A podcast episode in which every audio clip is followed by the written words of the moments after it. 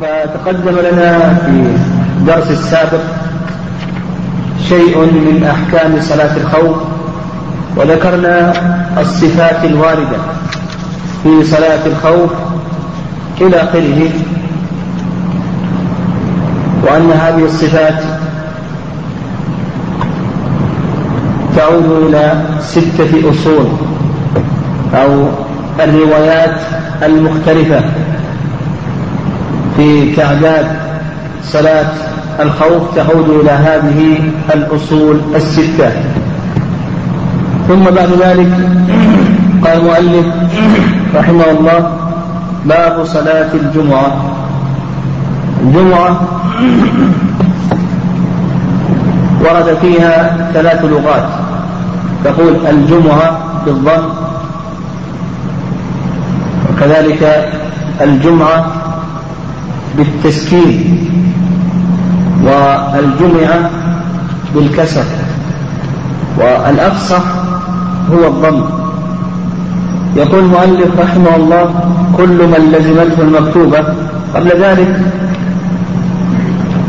يوم الجمعة كان يسمى في الجاهلية بيوم عروبة وسمي بهذا الاسم قيل لأن خلق آدم جمع فيه وهذا ورد عن أبي هريرة رضي الله تعالى عنه بإسناد قوي. وقيل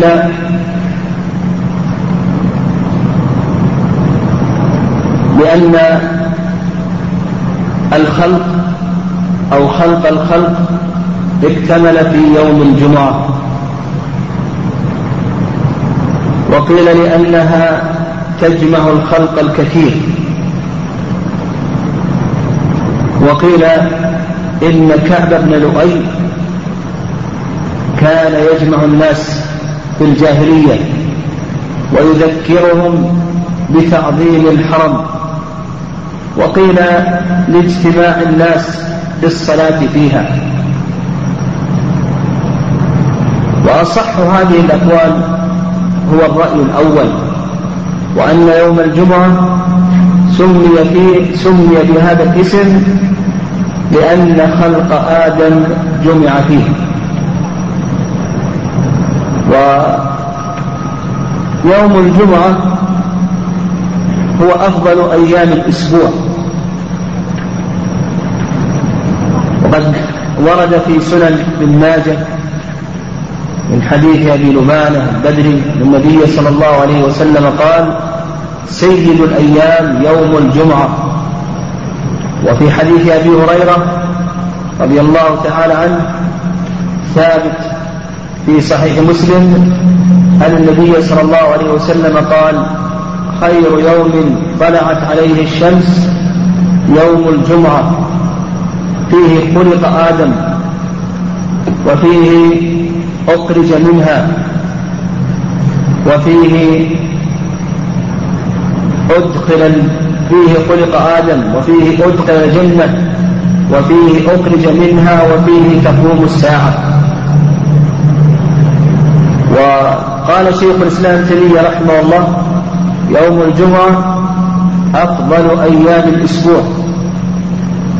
ويوم ويوم النحر أفضل أيام العام. وصلاة الجمعة صلاة مستقلة ليست ظهرا مقصورة وليست بدلا عن الظهر بل هي صلاة مستقلة لها أحكامها التي تختص بها. وصلاة الجمعة أفضل من صلاة الظهر. وقد ذكر ابن القيم رحمه الله ثلاثا وثلاثين خصيصة من خصائص يوم الجمعة. والسيوطي رحمه الله له كتاب في خصائص الجمعة اسمه اللمعة في خصائص يوم الجمعة. قال المؤلف رحمه الله كل من لزمته المكتوبة لزمته الجمعة. أفاد المؤلف رحمه الله بأن صلاة الجمعة واجبة. ووجوب صلاة الجمعة دل عليه القرآن والسنة والإجماع. أما القرآن فقول الله عز وجل يا أيها الذين آمنوا إذا نودي للصلاة من يوم الجمعة فاسعوا إلى ذكر الله. وأما السنة فحديث ابن مسعود رضي الله تعالى عنه أن النبي صلى الله عليه وسلم قال لقد هممت أن آمر رجلا يصلي بالناس. لقد هممت أن آمر رجلا يصلي بالناس ثم أحرق على رجال يتخلفون عن الجمعة بيوتهم. وهذا أخرجه مسلم في صحيحه.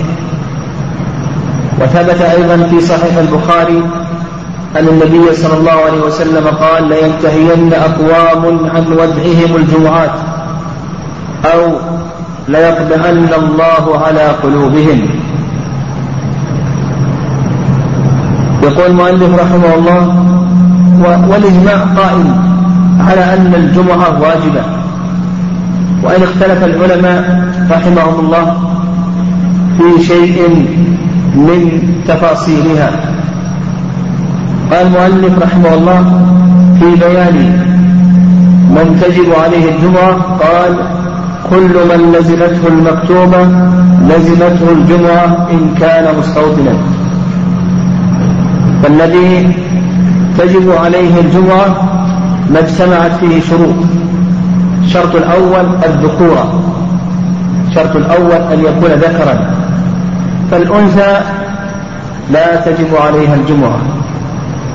ويدل لذلك الإجماع. وأن الإجماع منعقد على أن الجمعة لا تجب على الأنثى. وأيضا ما سبقت الإشارة إليه من حديث ابن مسعود رضي الله تعالى عنه أن النبي صلى الله عليه وسلم قال لقد هممت أن آمر رجلا يصلي بالناس ثم أحرق على رجال يتخلفون عن الجمعة. فقال النبي صلى الله عليه وسلم على رجال يتخلفون عن الجمعة. الشرط الثاني الحرية وهذا اشترطه كثير من العلم. فقالوا اشترط أن يكون حرا وعلى هذا فالرقيق لا تجب عليه الجمعة لأنه مشغول بخدمة سيده. والرأي الثاني أنه لا فرق بين الحر والرقيق. فالرقيق تجب عليه الجمعة كما تجب على الحر. وهذا القول هو الصواب والقاعدة في ذلك أن الأصل تساوي الأحرار والأرقة أن الأصل تساوي الأحرار والأرقة في العبادات البدنية المحضة إلا لدليل. فكما أن الحر يجب عليه الغسل كذلك أيضا الرقيق يجب عليه الغسل والحر يجب عليه الوضوء والصلاة كذلك أيضا الرقيق يجب عليه الوضوء والصلاة إلى آخره. لا فرق هذا هو الصواب. الشرط الثالث الإسلام.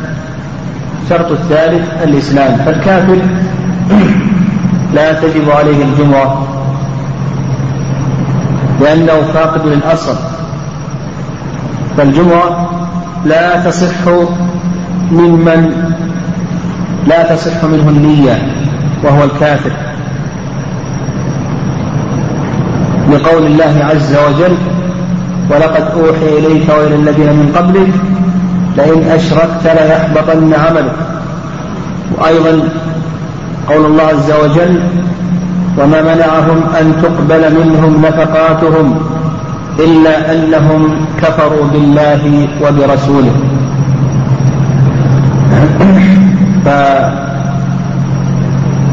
اشترط لوجوب الأداء الإسلام. فالكافر لا تجب عليه وجوب أداء وإن كان مكلفا بها يعاقب عليها. بقول الله عز وجل ما سلككم في سقر قالوا لم نكن من المصلين ولم نكن نطعم المسكين فدل ذلك على أن تركهم للعبادات له أثر في تعذيبهم. الشرط الرابع العقل. فالمجنون لا تصح منه الجمعة لحديث عائشة النبي صلى الله عليه وسلم قال رفع القلم عن ثلاثة وذكر منهم النبي صلى الله عليه وسلم المجنون حتى يفيق. الشرط الخامس الاستيطان. والشرط الخامس الاستيطان. فغير المستوطن لا تجب عليه الجمعة. ويخرج بقولنا الاستيطان اثنان. الأول من ليس له مكان يستوطن فيه. كأهل البادية الذين يتنقلون يطلبون القطر ومواضع النبات فهؤلاء لا تجب عليهم الجمعة لأنهم ليسوا مستوطنين. ويدل لذلك أن النبي صلى الله عليه وسلم لم يأمر الأعراب الذين حول المدينة بصلاة الجمعة. والثاني المسافر. فالمسافر تجب لا تجب عليه الجمعة إلا تبعا لغيره. فإذا كان سائرا فإنه لا تجب عليه الجمعة ولا يقيمها. فلو كان هناك مجموعة مسافرون فإنهم لا يقيمون الجمعة.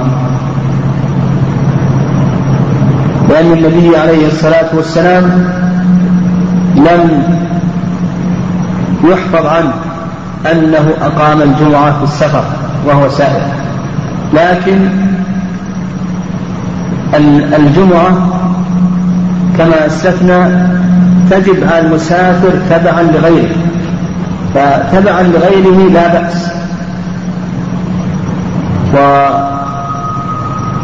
ويدل لذلك يعني أنها تجب تبعا لغيره.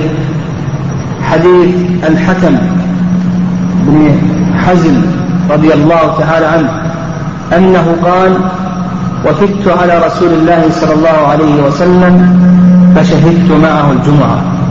وأيضا يدل لذلك العمومات كقول الله عز وجل يا أيها الذين آمنوا إذا نودي للصلاة من يوم الجمعة فاسعوا إلى ذكر الله. فإذا كان المسافر في البلد فإنه لا يجوز له أن يتخلف عن صلاة الجمعة. وبهذا الشرط أيضا نعرف أن غير المستوطنين الذين يقيمون خارج البلد كما قلنا كأهل البوادي وهم لا يريدون استيطان هذا المكان أو يخرجون إلى البلد لنزهة يخرجون خارج البلد لنزهة أو لغرض ويقيمون معسكرا أو مركزا وهم لا يريدون الاستيطان أنه لا تشرع لهم الجمعة ولا يصلون الجمعة. الشرط الأخير البلوغ فالصبي لا تجب عليه الجمعة لما تقدم من حديث عائشة رضي الله تعالى عنها. أن النبي عليه الصلاة والسلام قال رفع القلم عن ثلاثة وذكر منهم النبي عليه الصلاة والسلام الصبي حتى يبلغ لكن يؤمر بالجمعة لسبع ويضرب عليها لعشر لما سبق من حديث عبد الله بن عمر أن النبي صلى الله عليه وسلم قال مروا أبناءكم بالصلاة وهم أبناء سبع واضربوهم عليها وهم أبناء عشر وفرقوا بينهم في المضاجع. قال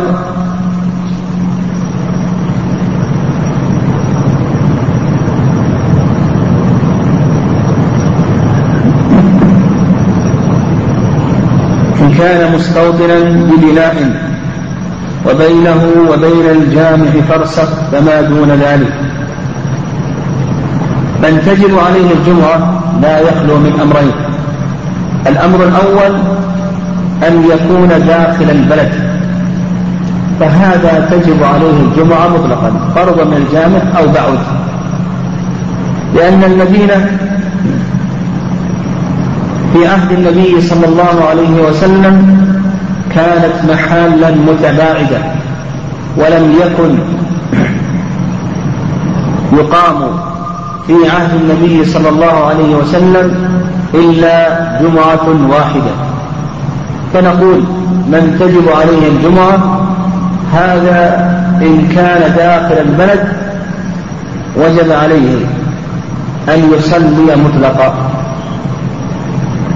القسم الثاني أن يكون خارج البلد. فهذا تجب عليه إن كان بينه وبين المسجد فرسخ فما دون. فإن كان بينه وبين المسجد أكثر من فرسخ فلا تجب عليه الجمعة. كان بينه وبين المسجد فرسخ فأقل وجبت عليه. إن كان بينه وبين المسجد أكثر من فرسخ فإنه لا تجب عليه الجمعة. والفرسخ قدره ثلاثة أميال. والميل قدره ألف وستمائة كيلو. فما يقرب من خمسة كيلو يعني إذا كان الإنسان خارج البلد أكثر من خمسة كيلو هذا لا يجب عليه الجمعة وإن كان دون ذلك فإن الجمعة تجب عليه.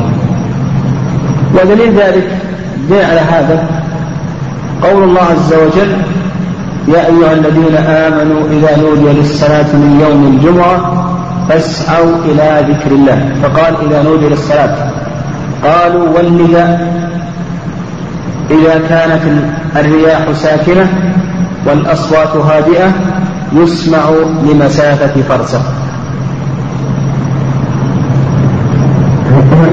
والرأي الثاني أن العبرة بسماع النداء. الرأي الثاني أن العبرة بسماع النداء. فإذا كان من خارج البلد يسمع النداء فيجب عليه أن يجيب وإن كان لا يسمع النداء فلا يجب عليه. قال إن المرأة والعبد والمسافر والمعذور بمرض أو بمرض أو مطر أو خوف. نعم. فيقول المؤلف رحمه الله إن المرأة فالمرأة لا تجب عليها الجمعة. وهذا دليله الإجماع كما سلف.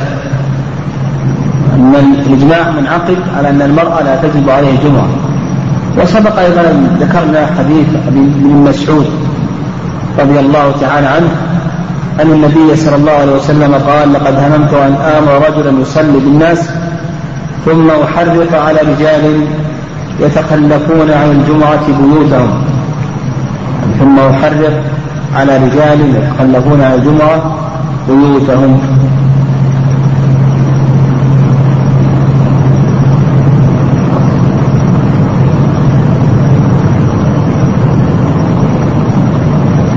فالمرأة لا تجب عليها الجمعة. قال والعبد أيضا تكلمنا عن ذلك.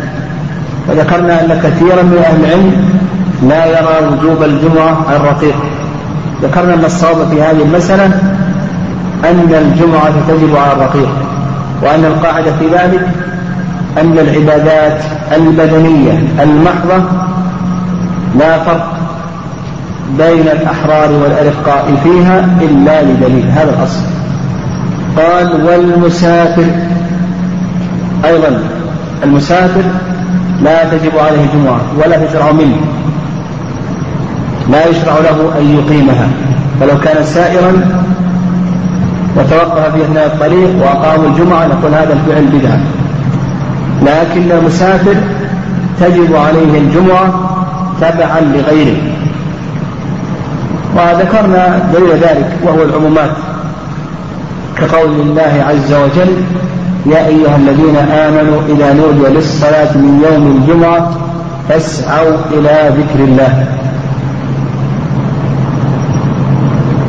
فالعمومات تدل على وجوبها آه كذلك أيضا من الأدلة آه على أنها لا تجب على المس... أنها نعم آه أنها لا تجب على المسافر إذا كان سائرا أنه لا يحفظ عن النبي صلى الله عليه وسلم أنه أقام الجمعة وهو في السفر. سائرا. فإن كان داخل البلد فإنه يجب عليه أن يصلي الجمعة تبعا لغيره. لعموم قول الله عز وجل يا أيها الذين آمنوا إذا نودي للصلاة من يوم الجمعة فاسعوا إلى ذكر الله. ولما سبق إيراده من حديث الحكم بن حزم رضي الله تعالى عنه. قال والمعذور بمرض أو مطر أو خوف. نعم إذا كان الإنسان معذورا بمرض يلحقه مشقة ظاهرة في إتيان الجمعة أو معذورا بخوف يخاف على نفسه أو يخاف على أهله أو يخاف على ماله أو معذورا بمطر أمطار غزيرة إلى آخره. فإنه يعذر في ترك الجمعة ويصلي ظهرا أربعا. إن كان غير مسافر وثنتين إن كان مسافرا. ودليل ذلك قول الله عز وجل فاتقوا الله ما استطعتم. وقوله سبحانه لا يكلف الله نفسا إلا وسعها.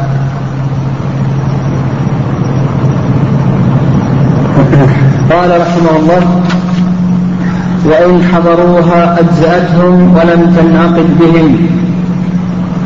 يعني إذا حضرها الرقيق المؤلف ذهب إلى أن الرقيق لا تجب عليه جمعة. لكن لو حضر مع الناس وصلى فإنها تجزئه ولا يطالب بالظهر. لا يطالب أن يصلي ظهرا. وكذلك أيضا المرأة لو حضرت مع الناس وصلت فنقول بأنها تجزئها الجمعة ولا تطالب أن تصلي ظهرا. مثل أيضا بقية من لا تجب عليه الجمعة. وقال المؤلف رحمه الله ولم تنعقد بهم قول المؤلف رحمه الله تعالى لم تنعقد بهم إلا إلا المعذور إذا حضرها وجبت عليه وانعقدت به. معنى قوله لم تنعقد بهم يعني أنهم لا يحسبون من العدد لا يحسبون من عدد الجمعة. فالمرأة والرقيق والمسافر على كلام المؤلف أنهم لا يحسبون. وعلى هذا يأتينا أن الجمعة لا بد لها من العدد. اشترط لها الجماعة لا بد من العدد. وعدد الجمعة المشهور من المذهب أربعون. وعند شيخ الإسلام ثلاثة. فإذا أخذنا برأي الحنابلة وأنه لا بد من أربعين أخذنا برأي الحنابلة وأنه لا بد من أربعين. لو كان عندنا تسعة وثلاثون رجلا وامرأة فإنهم لا يصلون جمعة وإنما يصلون ظهرا. قالوا لأن المرأة لا تنعقد بها الجمعة. وكذلك أيضا على رأي شيخ الإسلام لو كان عندنا رجلان وامرأة فإنهم لا يصلون جمعة. وهذا صواب أن المرأة لا تنعقد بها الجمعة لأنها ليست من أهل الجمعة ولا الجماعات ولكن إن حضرت الجمعة أجزأتها. يعني إذا حضرت الجمعة فإن الجمعة تجزئها.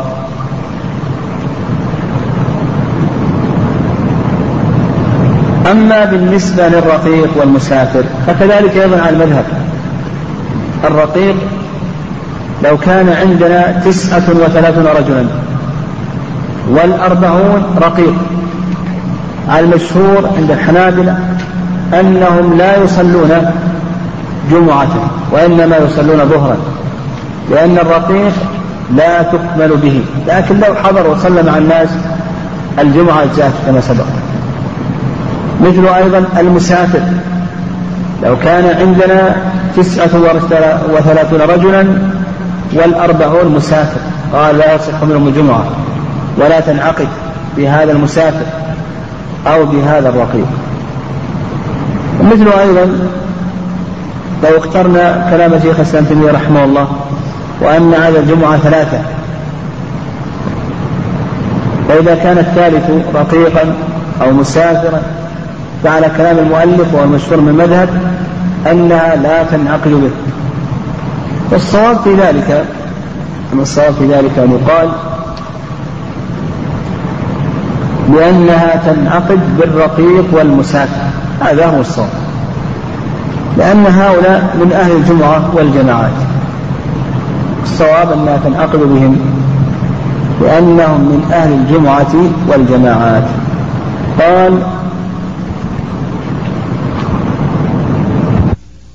إذا حضر فإنها تنعقد به وتصح منه وتجزي فلو فرض أن عندنا أن عندنا تسعة وثلاثين رجلا والأربعون مريض لكن تحامل على نفسه وأتى ليصلي مع الناس. هل تنعقد الجمعة ولا تنعقد؟ نقول بأنها تنعقد. أو عندنا الأربعون شخص معذور بخوف أو معذور بمطر. يقول المؤلف رحمه الله بأنها تنعقد به. والصواب أنها تنعقد به به. وأيضا تنعقد بالرقيق وبالمسافر. الذي لا تنعقد به هو فقط المرأة لأن المرأة ليست من أهل الجمعة ولا الجماعات قال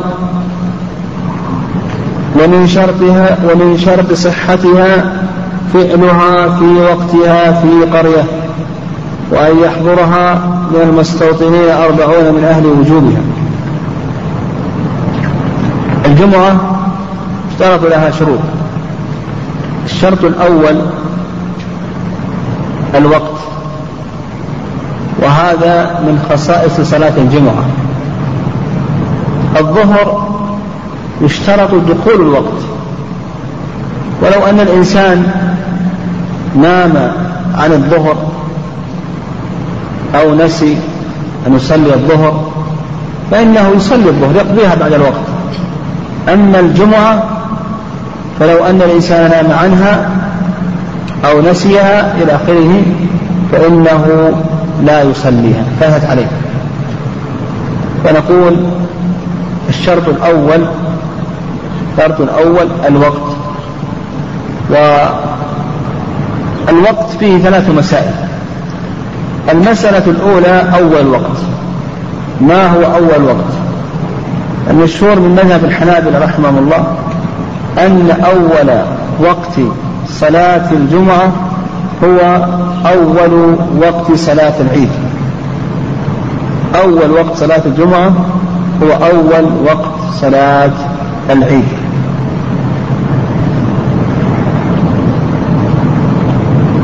ووقت صلاة العيد متى يبدأ؟ إذا طلعت الشمس وارتفعت قيد رمح. بعد طلوع الشمس بما يقرب من ثنتي عشر دقيقة يدخل وقت صلاة العيد. كذلك أيضا الجمعة يدخل وقتها كدخول وقت صلاة العيد. وعلى هذا لو صلينا الجمعة بعد طلوع الشمس وارتفاع يقيد رمح فإن الصلاة صحيحة. هذا المشهور من مذهب الإمام أحمد رحمه الله. واستدلوا على ذلك بحديث جابر أنه قال كان رسول الله صلى الله عليه وسلم يصلي الجمعة ثم نذهب إلى جمالنا فنريحها حين الزوال.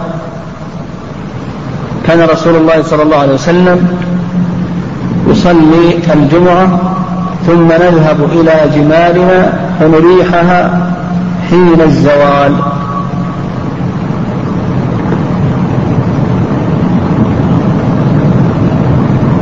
فهنا قال يصلي الجمعة ثم بعد ذلك يذهبون إلى جمالهم ثم يريحونها وقت الزوال. دل ذلك على أن الجمعة وقعت قبل الزوال.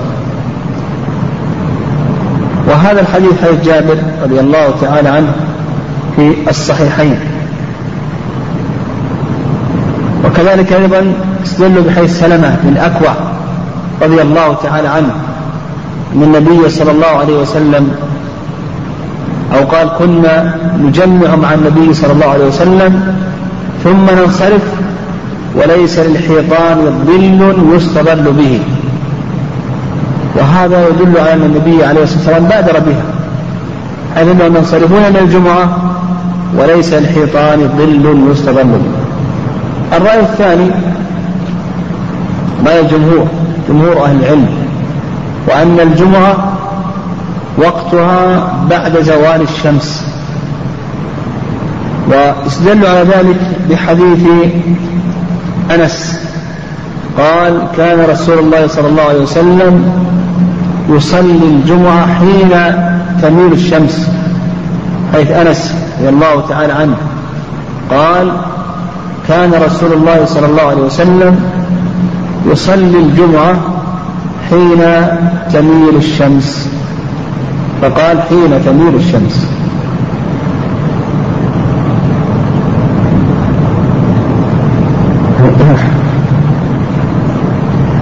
وهذا أخرجه مسلم في صحيحه أخرجه البخاري في صحيحه. وأيضا حديث سلمة بن الأكوع قال كنا نجمع مع رسول الله صلى الله عليه وسلم إذا زالت الشمس. إذا زالت الشمس. وذهب بعض أهل العلم كالخرقي الحنابلة إلى أن الجمعة يصح فعلها قبل الزوال بساعة. واستدل على ذلك بحديث أبي هريرة رضي الله تعالى عنه في الصحيحين. أن النبي صلى الله عليه وسلم قال من راح في الساعة الأولى فكأنما قرب بدنه ومن راح في الساعة الثانية فكأنما قرب بقرة ومن راح في الساعة الثالثة فكأنما قرب كبشا أقرن. من راح في الساعة الرابعة فكأنما قرب دجاجة. من راح في الساعة الخامسة فكأنما قرب بيضة. فإذا دخل الإمام دخلت الملائكة إلى آخره. فهنا قال في الخامسة قرب بيضة. والزوال يكون بعد السادسة. وقال فإذا دخل الإمام قال فإذا دخل الإمام فدل ذلك على أن دخول الإمام يكون بعد الخامسة. والزوال يكون بعد السادسة. والأقرب في هذا أن الإنسان يسلك ما سلك ما سلكه جمهور أهل العلم. وأنه يجوز تقديم الجمعة قبل الزوال بشيء يسير هذا لا بأس به. وأدلة الحنابلة تدل على ذلك أنه يجوز تقديمها بشيء يسير لكن لا تدل على أنها تفعل كما تفعل صلاة العيد. ولهذا لم يرد فيه دليل. لم يرد فيه دليل عن النبي صلى الله عليه وسلم. لكن الدليل دل على أنه لو بادر بها قبل الزوال بشيء يسير فنقول بأن هذا لا بأس به. كما في حديث جابر قال كنا نجمع مع رسول الله صلى الله عليه وسلم أو كنا كان الرسول صلى الله عليه وسلم يصلي الجمعة ثم نذهب إلى جمالنا فنريحها حين الزوال. فهذا يفهم من أن الجمعة تقدمت بشيء يسير. وأيضا مثل حي السلام من أكوع نعم يصلون الجمعة مع رسول الله صلى الله عليه وسلم ثم يذهبون يتبعون الفيء يذهبون يتبعون الفيء وليس الحيطان ظل يستظل به.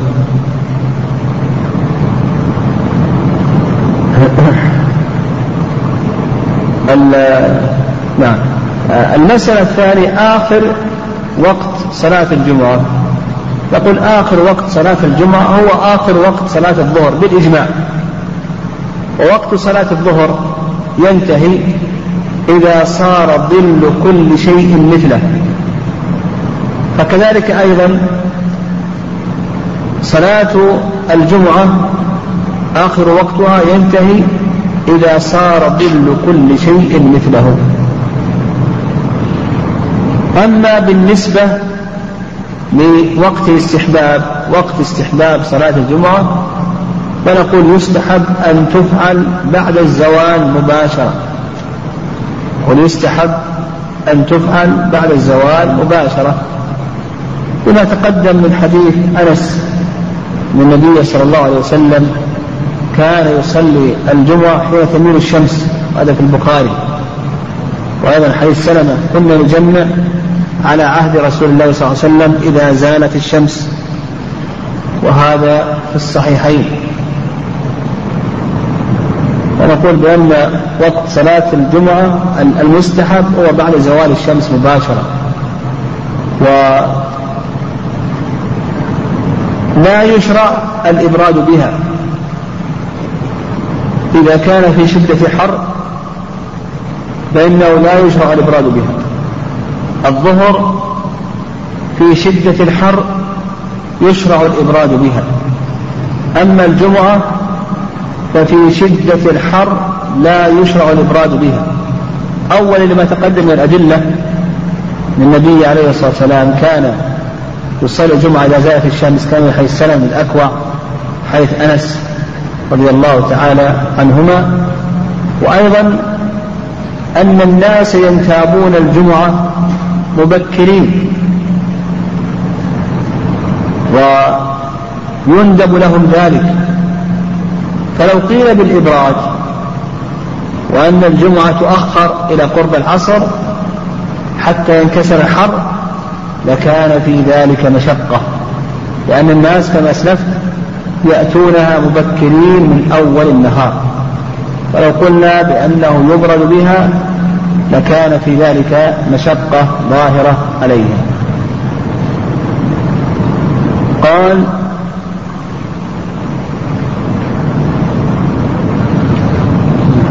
وأن قال في قرية هذا الشرط الثاني. الشرط الثاني أن يكونوا مستوطنين في قرية. وعلى هذا كما أسلفنا المسافر السائر ليس له أن يقيمها وأيضا غير المستوطن ليس له أن يقيمها فإن النبي عليه الصلاة والسلام لم يأمر الأعراب حول المدينة بإقامة صلاة الجمعة.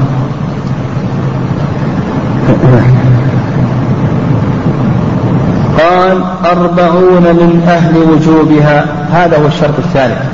الشرط الثالث من شروط صحة الجمعة أن يكونوا أربعين. وهذا مذهب أحمد والشافعي. واستدلوا على ذلك لأن مصعب بن عمير رضي الله تعالى عنه لما قدم المدينة جمع بهم. قال وكان عددهم أربعين. وأيضا أسعد بن زرارة رضي الله تعالى عنه أنه جمع في نقيع الخضمات وكان عددهم أربعين. وأيضا ورد في الحديث مضت السنة أن في كل أربعين جمعة وفطر وأضحى. مضت السنة أن في كل أربعين جمعة وفطر وأضحى. وهذا الحديث لا يثبت عن النبي صلى الله عليه وسلم. الرأي الثاني الرأي الثاني رأي أبي حنيفة رحمه الله أنه لا بد من أربعة. واستدلوا بحديث ابن عبد الله الدوسية. أن النبي صلى الله عليه وسلم قال في كل قرية.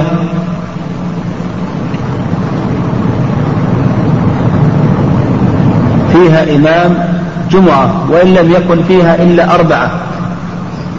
يعني في كل قرية فيها إمام جمعة وإن لم يكن فيها إلا أربعة. وهذا الحديث أخرجه الطبراني بن عدي وهو ضعيف لا يثبت عن النبي صلى الله عليه وسلم. والرأي الثاني رأي الظاهرية. وأنه يكتفى باثنين. الظاهرية قالوا بأنه يكتفى باثنين. لأن أقل الجماعة اثنان. وعند شيخ الإسلام تيمية رحمه الله أنه يكتفى بثلاثة. وهذا أصوب الأقوال. نقول يكتفى بثلاثة لأن الجمعة لأن الصلاة لا بد لها من جماعة والخطبة لا بد لها من جماعة. وأقل الجماعة اثنان. لو قلنا برأي الظاهرية لكان الذي يستمع الخطبة واحد. يخطب واحد ويستمع واحد. والخطبة لا بد لها من جماعة. آه. على رأي شيخ الإسلام يخطب واحد ويستمع اثنان. كذلك أيضا آه في الصلاة يخطب واحد ويصلي واحد ويأتم اثنان إلى آخره. وما ذهب إليه شيخ الإسلام تيمية رحمه الله هو الأقرب في هذه المسألة.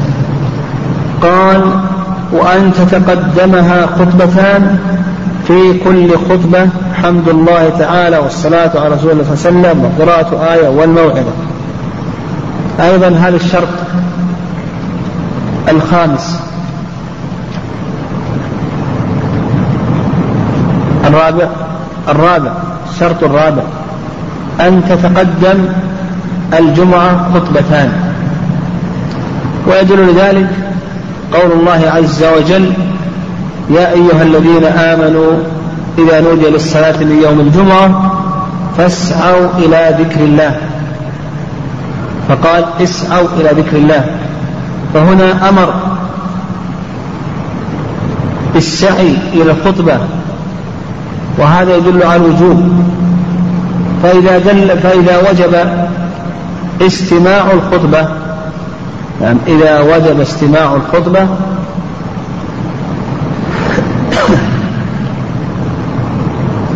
يعني إذا وجب استماع الخطبة وجبت الخطبة من باب أولى. يعني الاستماع فرع. فإذا وجب الفرع وجبت وجب الأصل. وأيضا حيث أبي هريرة النبي عليه الصلاة والسلام قال إذا قلت لصاحبك والإمام يخطر أنصت فقد لغوت فإذا وجب الإنصات الخطبة ففي وجوب الخطبة من باب أولى. فيشترط تقدم خطبة تقدم خطبتين. وأيضا يدل ذلك مداومة النبي صلى الله عليه وسلم على هاتين الخطبتين. فإن النبي عليه الصلاة والسلام داوم عليهما. ولم يتركهما وكذلك أيضا الخلفاء من بعده والمسلمون مجمعون عليهما. قال المؤلف رحمه الله في كل خطبة حمد الله. كل خطبة لها أركان ولها شروط. كل خطبة لها أركان ولها شروط. فأركان الخطبة أو الخطبتين ستة المذهب. أركانها ستة أركان. الركن الأول حمد الله. فلا بد من حمد الله في كل خطبة. والثاني الصلاة على النبي صلى الله عليه وسلم. لا بد من الصلاة على النبي عليه الصلاة والسلام في كل خطبة. والثالث قراءة آية. أيضا لا بد من ذلك في كل خطبة. والرابع الوصية بتقوى الله عز وجل. والخامس الجهر بحيث يسمع العدد المعتبر. والسادس أن يوالي بين الخطبتين والصلاة. السادس أن يوالي بين الخطبتين والصلاة. هذه ستة أركان. ستة أركان. والصواب من هذه الأركان يعني الصواب من هذه الأركان هو نقول أنه لا بد من الجهر بحيث يسمع العدد المعتبر وأيضا لا بد من الموعظة. هذان الركنان. هما اللذان يشترطان في صلاة الجمعة في خطبة الجمعة. لا بد من الموعظة التي تحرك القلوب وتفيد الناس وتعالج مشاكلهم وتذكرهم وتفيدهم فيما ينفعهم يعني تفيد المسلم فيما ينفعه. في أمور العقائد وفي أمور العمليات وما يتعلق بالمجتمع إلى آخره. المهم أن تكون الخطبة مما تفيد وتذكر وتحث على السير إلى الله والدار الآخرة ونصرة هذا الدين إلى آخره. هذا هو المطلوب. والقسم والركن الثاني أن يجهر بحيث يسمع عن هذا المعتبر. أما ما عدا ذلك فهذه كلها آداب وسنن. كلها آداب وسنن. فكونه يقرأ آية أو آيات صلي على النبي عليه الصلاة والسلام أيضا حمد الله إلى آخره. نقول هذه هذه نقول بأنها آداب للخطبة. ينبغي للخطيب أن يأتي بها. أما أن نقول لو أن الإنسان نسي أن يصلي على النبي عليه الصلاة والسلام نقول الصلاة غير صحيحة إلى الخطبة غير صحيحة ثم بعد ذلك يترتب على ذلك أن تكون الصلاة غير صحيحة فهذا فيه نظر. أما بالنسبة للشروط بالنسبة لشروط الخطبة فخمسة. خمسة شروط الشرط الأول الوقت. الشرط الأول الوقت. تقدم بيان وقت صلاة الجمعة. فلا بد أن تكون الخطبة بعد دخول الوقت. والشرط الثاني النية.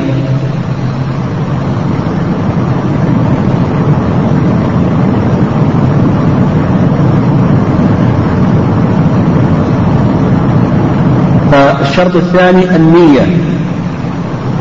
بحيث عمر رضي الله تعالى عنه أن النبي صلى الله عليه وسلم قال إنما الأعمال بالنيات. الشرط الثالث وقوع الخطبة حضرا. حضرا. آه الشرط الرابع حضور المعت... العدد المعتبر لصلاة الجمعة. فإذا كان هذا المعتبر أربعين لا بد أن يحضر أربعون. إذا كان هذا المعتبر ثلاثة لا بد إلى آخره كما تقدم. لا بد أن يحضر العدد المعتبر. الشرط الأخير يعني الشرط الأخير أن تكون الخطبة ممن تصح إمامته في صلاة الجمعة. وأن تكون الخطبة ممن تصح إمامته في صلاة الجمعة. قال وأن تتقدمها خطبتان. في كل خطبة يحمد الله تعالى والصلاة على رسول الله صلى الله عليه وسلم. والمشهور من المذهب أنه لا بد من حمد الله كما تقدم في الخطبة. وأنه ركن لكن يقولون لا يشترط أن يكون الحمد في أول الخطبة هذا ليس شرطا. يعني كون الحمد في أول خطبة هذا ليس شرطا. والصواب أن المشروع المشروع أن يكون الحمد في أول خطبة. ولهذا ذكر الشيخ الإسلام تيمية رحمه الله أنه لم يحفظ عن النبي صلى الله عليه وسلم في خطبه. الراتبة أو العارضة أنه استفتح بغير الخطبة بغير الحمد يقول الشيخ الإسلام أنه لم يحفظ عن النبي صلى الله عليه وسلم في خطبه العارضة أو الراتبة أنه افتتح بغير الحمد له نعم. قال والصلاة على رسول الله صلى الله عليه وسلم وقراءة آية. نعم قراءة آية بحديث جابر بن سمرة. قال كان حديث جابر بن سمرة قال كانت صلاة رسول الله صلى الله عليه وسلم قصدا يقرأ آيات من القرآن ويذكر الناس. يقرأ آيات من القرآن ويذكر الناس وهذا أخرجه أبو داود. والموعظة تقدم أن الموعظة هي ركن الخطبة وأنها هي المطلوبة إلى آخره.